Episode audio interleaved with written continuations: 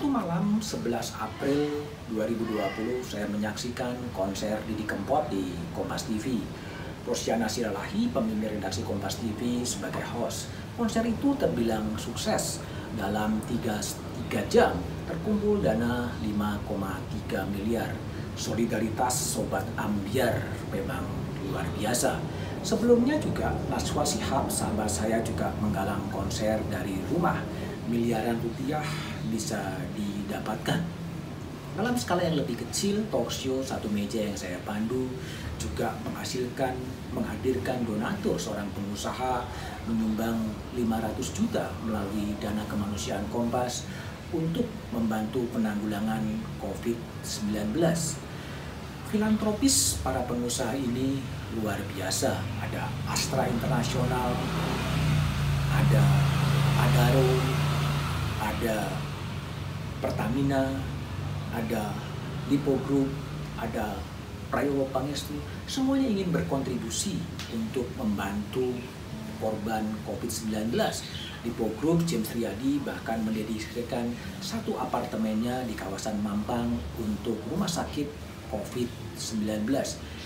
Di level akar rumput juga solidaritas jiwa kegotong royongan itu juga ada warga sukarela menyiapkan sembako, menyiapkan makan siang, membuat masker, semuanya didistribusikan kepada orang-orang yang terdampak.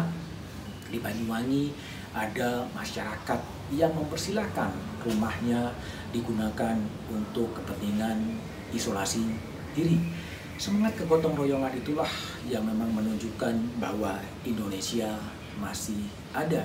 Sehingga ketika Senin berikutnya sahabat saya Muhammad Kodari mengirimkan berita tautan dari Bloomberg yang kira-kira mengatakan apakah pandemi ini bisa menghasilkan revolusi sosial, respon saya agak mendua melihat solidaritas di akar rumput, melihat keinginan bergotong royong ingin membantu sesama, kok itu rasanya tidak mungkin terjadi. Tapi negara tetap harus mengantisipasi segala sesuatunya. Negara tetap harus hadir. Negara harus hadir menyiapkan jaring pengaman sosial, menyiapkan sembako, menyiapkan pangan yang tidak boleh hilang pada masa pandemi itu sendiri.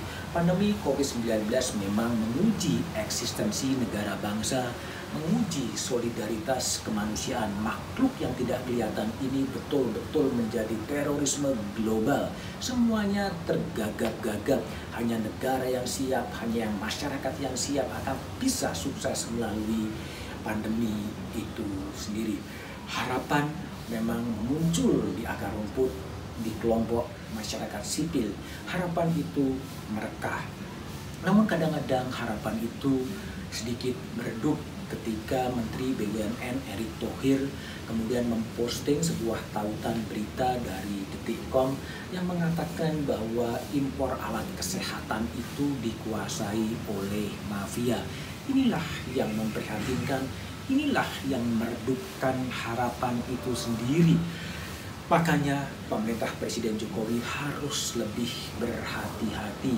Ada suara-suara di luar yang mengatakan ada kelompok-kelompok di sekitar presiden yang mencoba memanfaatkan situasi ini.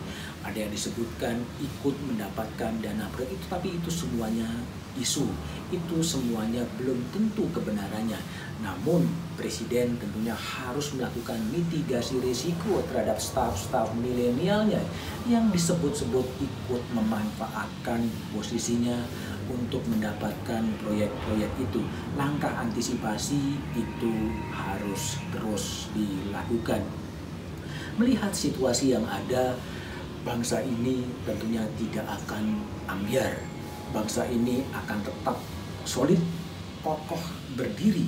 Hanya memang nepotisme, hanya memang aji mumpung yang disebut-sebut ada di kalangan staf-staf di lingkungan kepresidenan itulah yang mengkhawatirkan bangsa ini bisa ambiar. Kita tentunya berharap Presiden Jokowi tidak akan membiarkan kepercayaan publik tercederai, turun karena itu. Hanya dengan kepemimpinan yang kuat, hanya yang kepemimpinan yang tersentral, bangsa ini pasti bisa melalui masa-masa sulit itu. Sejarah memang mencatat Albert Camus pernah juga mengatakan ketika sampar terjadi di Eropa juga ada kelompok-kelompok kepentingan yang selalu mendapatkan upaya untuk mendapatkan sesuatu dari negara. Mereka itu adalah pengkhianat, pengkhianat bangsa. Erick Thohir telah membuka ada mafia yang bermain, ada isu-isu staf-staf memanfaatkan kondisi, saatnya itu juga dibersihkan. KPK mungkin juga bisa bertindak. KPK yang selama ini seperti kehilangan orientasi, mungkin juga bisa mencium para pemburu rente, para pemburu fulus yang punya potensi, punya dugaan untuk menyalahgunakan kewenangan untuk kepentingan pribadi.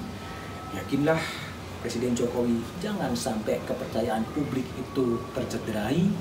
Segera perlu ada mitigasi sosial politik agar kepercayaan publik itu bisa terus terjaga dan itu penting. Sampai jumpa pada opini Budiman berikutnya.